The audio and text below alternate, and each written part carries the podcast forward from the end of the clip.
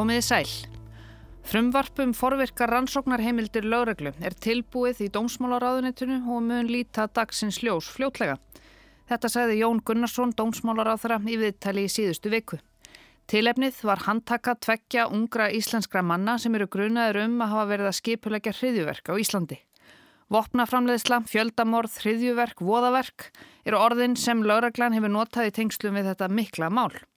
Fyrsta sinnar tegundar á Íslandi. Tengsl við Erlend öfgarsamtök voru til skoðunar. Mennittir tveir voru úrskurðaður í eins og tveggjavegna gæsluvarðhald en lögmaður mannsinn sem fekk tveggjavegna varðhald segir hann neyta sök. Í gær hafði hann farið í eina skýslutökum eftir fimm daga í varðhaldi. Hann neytar sumulegðis að hafa tengsl við Erlend öfgasamtök og segist ekki vita hvaðan lauraglan hefur þær upplýsingar. Ég heiti Sunna Valgerðardóttir og hef umsjón með þetta helst í dag þar sem forverkar rannsóknarheimildir lauraglu verða til umfjöllunar. Tilefni þessa fundar er að því að aðgerðir sem lauraglan var með í gær, þar sem að aðilar voru handteknir í tengslu við rannsók á ætluðum undirbúningi að hriðuverku. Þeir aðilar hafa verið undir rannsók lauruglu vegna grunnsum ætlaða framleiðslu og sölu og skotvopnum. Í kjölfar aðgera lauruglu er það okkar mat að það sé óhætt að segja að samfélag okkar sé örugara en það var. Og við að teljum að með þessum aðgerðum að þá höfum við náð að afstýra þeirra áallum sem að var að, að vinna voðaverk. Að... Þú sagðir á fundunum í dag að það mætti ætla að þessi menn hafi beint sjónum sínum að stopnum og borðið alþengi og lauruglu. Getur þú staðfest að báðar þessar stopnarnir hafi verið undir? Já, það er, ég get staðfest það. Sagði Karl Steinar Valsson yfir lauruglu þjóttna á Bladamannafundi og svo í Kastljósi í síðustu viku, daginn eftir handtökurnar. Jón Gunnarsson, dómsmálar á þeirra, var svo til viðtals í fréttum um kvöldið.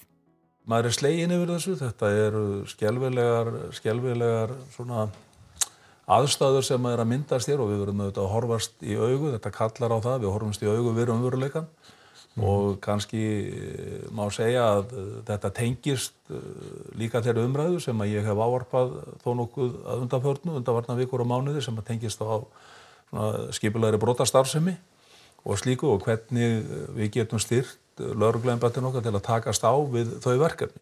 Sko ég vil kalla þetta afbróta varnir vegna þess að þetta snýst um það sem einhverjir hafa kallað forvirkar heimildir en það er nákvæmlega það sem að í raun og veru er kallað eftir og það vil nú svo til að í þeirri vinnu sem við höfum verið núna í undarfarnar sjö mm. mánuði með mitt yfirmannu lauruglu og lauruglumannum að þá er tilbúið frumvarp í dómsvólaráðenduru um frekari heimildi til afbróta varna og það frumvarp mun líta dagsins bara núna á, ég ætl ekki að segja alveg á næstu dögum en við getum sagt bara mjög fljótlega Forvirkar rannsóknarheimildir. Og sínir þetta mál einmitt ekki svart og hvítu að lauruglan hefur nú þegar töluverðar forvirkar rannsóknarheimildir. Náðu þau ekki að handtaka mennina áður en þeir fremdu voðaverkin? Hvað er það nákvæmlega sem dómsmálráð þeirra vill gera? Skoðum það eins.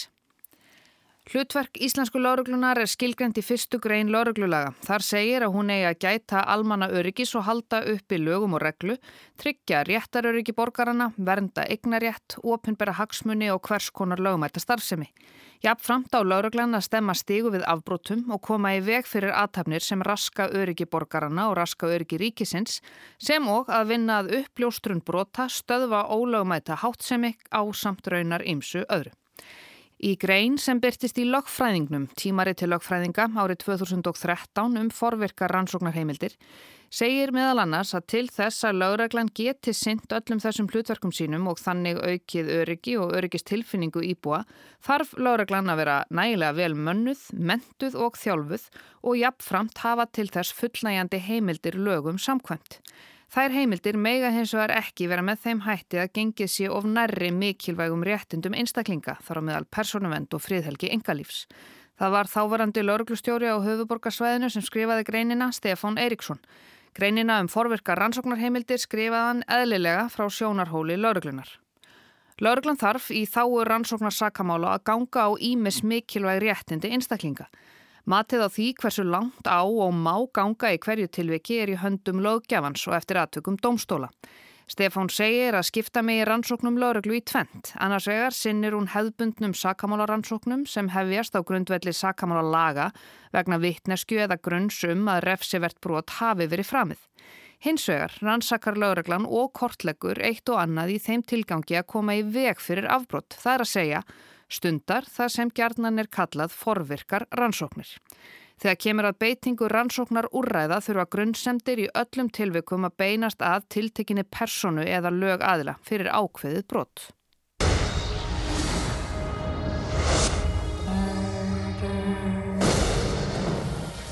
Okay, Jad, what's coming? Double homicide, one male, one female. Killer's male, white 40s. Set up a perimeter and tell them we're en route.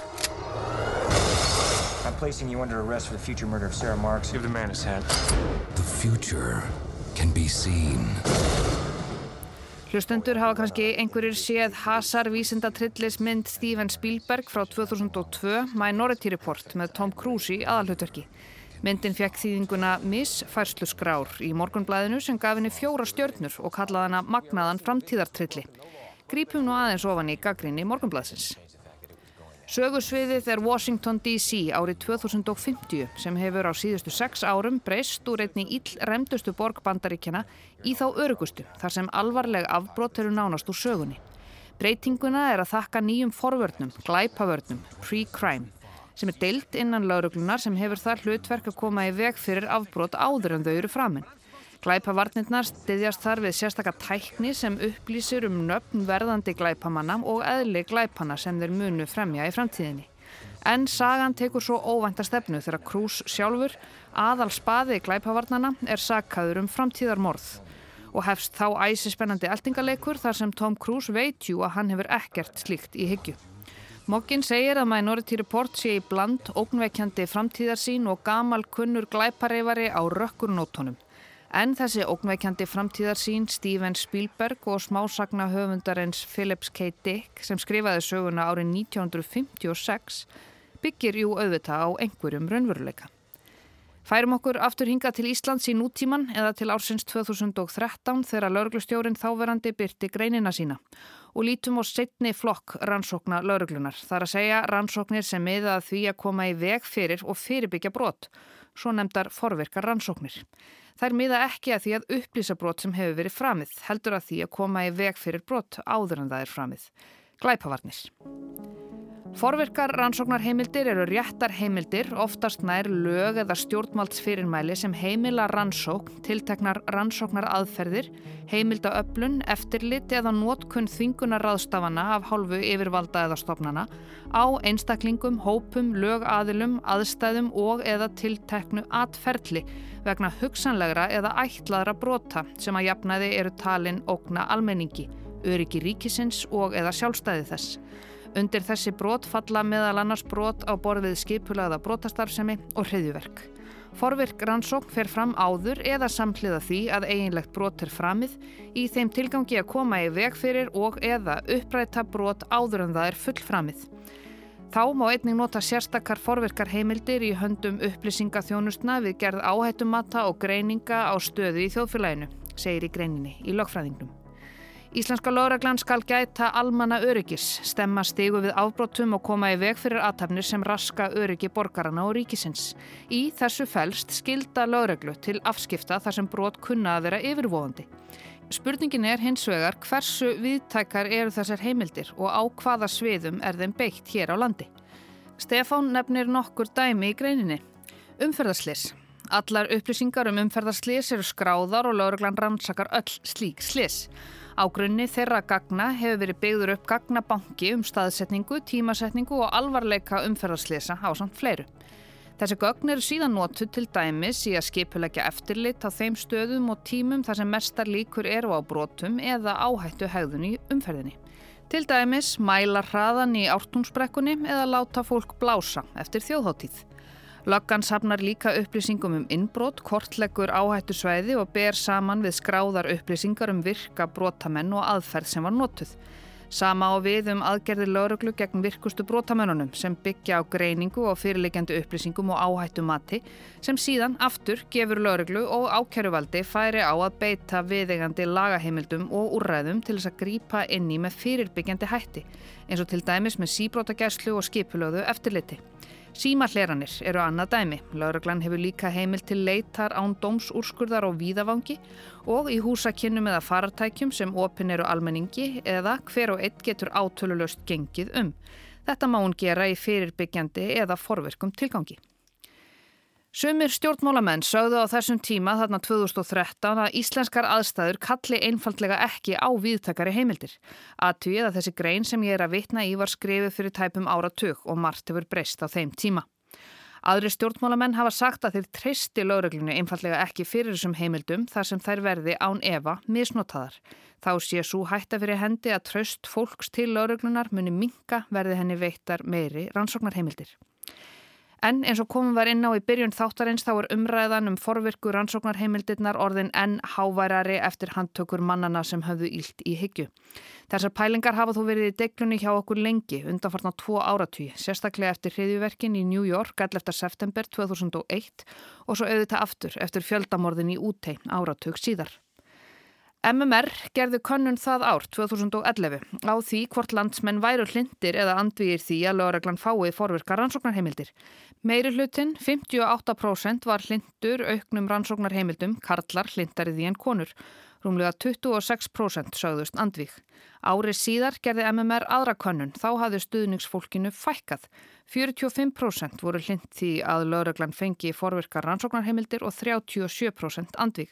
En þetta er 10 ára gömul rannsókn svo við skulum ekki leggja mikill púður í hana hér þó að hún síni vissulega afstöðu þjóðarinnar á þeim tíma.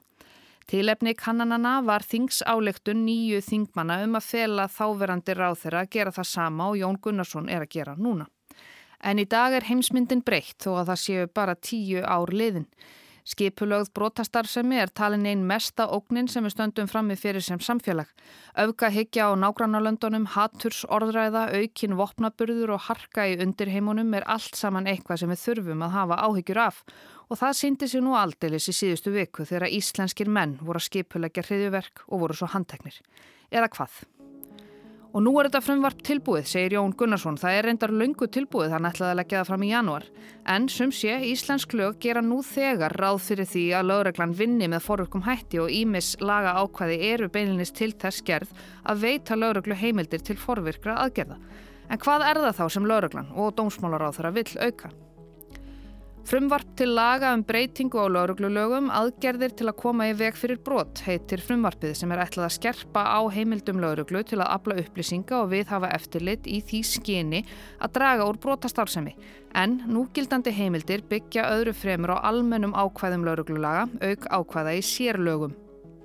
Annars vegar er mælt fyrir um heimild lauruglu til þess að afla upplýsinga í þáu afbrotavarna við framkvæmt almennra löggæslustarfa og frumkvæðisverkefna eins og það er kallað. Þar á meðal samskipti við uppljóstrara, eftirlit á almannafæri og vöktun vefsíðna sem opnar eru almenningi.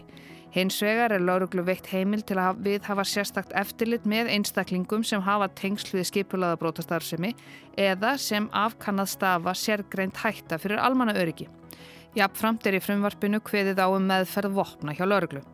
Þetta er svona lauslega reyfað. Inn á samráðskátt stjórnvalda með frumvarpinu hafa komið fram nokkrar aðtúarsamdir meðal annars frá Ísland steild Amnesty International. Þau segja að ekki skuli veita löggæslu heimildir fyrir auknu eftirliti nema að ákveðin skilirði séu uppfyllt og eins og staðan er þá eru þau skilirði ekki uppfyllt í frumvarpinu eins og það er núna. Þórildur Sunna Ævarstóttir Þingmaður Pírata kom í Silvrið á sunnudagin að ræða þessi mál. Píratar hafa verið leiðandi í umræðinni hvað varðar eftirlit með lauruglu og setja stórt spurningamerki við auknar valdheimildir hennar. Þórildur Sunna telur að viðtækar rannsóknarheimildir séu í besta falli varhugaverðar og geti leitt til enn frekari öfgavæðingar. Hún sagði mikilvægt að útlista hvað frumvarp dómsmálaráður að bóðar. Það bóðar í fyrsta lagi stór aukningu að fjölda eftirlitsmyndavila hér út um alland og töluvert öflugri greiningja getur þeirra eftirlitsmyndavera. Þannig að lögreglan geti þegar þeim hendar ándámsúskurar fylst með færðum fólks hvar sem er sem þau hafa þetta myndavel eftirlit. Sömulegist þá átt að vita lögreglu heimildi til þess að fylgjast með umferð á hvaða vefsíðu sem er sem er opinn almenningi og þar með tali hverjir heimsækja þessar vefsíður og hverjir skoða þær og hafa viðtækt og óskilgreint eftirlit með netnótkun einstaklinga án dómsúrskurðar og án grunn sem að viðkomandi hafi fram með nokkur refsivert aðtafi eða sé eins og nýju undirbúningi á refsiverði aðtafi. Sumulegis á að gefa lauruglunni rétt til þess að fylgja fólki eftir á almannafæri, til dæmis á leið þeirra á milli staða, inn á stöðum sem opnir er almenningi eins og til dæmis á kaffihúsum, veitingastöðum, börum, söpnum, takaði myndir og myndbönd án þess að þau vita af því og án dómsúskurar og án þess að raukstötu grunur um lögbrot nýje tilraun eða undibúning fyrir lögbroti líki fyrir. Og sömulegis á að gefa þeim rétt þess að afla gagna um einstaklinga hjá öllum ofinbjörnstofnunum. Þar á meðal heilbriðstofnunum og félagsjónustunni um tiltekna einstaklinga ángrunn sem að við komandi hafi fram en ég sé að undibúa fram með afbrótt. Þetta er það sem er verið að leggja til að lögregla fái heimilt til að gera og þetta er á tíma það sem er ekkert raunverulegt, sjálfstætt og virt eftirlit með störnum lögreglu. Dómsmálar á þeirra saði svo líka í síðustu viku að það hafi verið ágreiningur í þinginu um eldri frumvörp sem snýruð að forverkum rannsóknarheimildum eða afbróta vörnum eins og hann vil kalla það. Hann sagði handtökum mannana í síðustu viku fær okkur til raunveruleikans. Og þetta er nöðsynlegt til þess að við getum verið svona á sama leikvellinu, getum við sagt. Bæði við að taka mótu upplýsingum og veita upplýsingar og þetta er orðin æg ríkari þáttur í starfsemi lögurglu að reyna að kortleggja fyrir fram og reyna að gera sig grein fyrir því hvað þeir geta komið í veg fyrir. Sagði dómsmálar á þeirra í síðustu viku. Frumvarpið hefur enn ekki verið lagt fram en við höldum áfram að fjalla um þessi mál eins og þau þróast. Forverkar rannsóknarheimildir eða afbrótavarnir, glæpavarnir voru helst í dag. Takk fyrir að leggja við hlustir og við heyrumst aftur á morgun.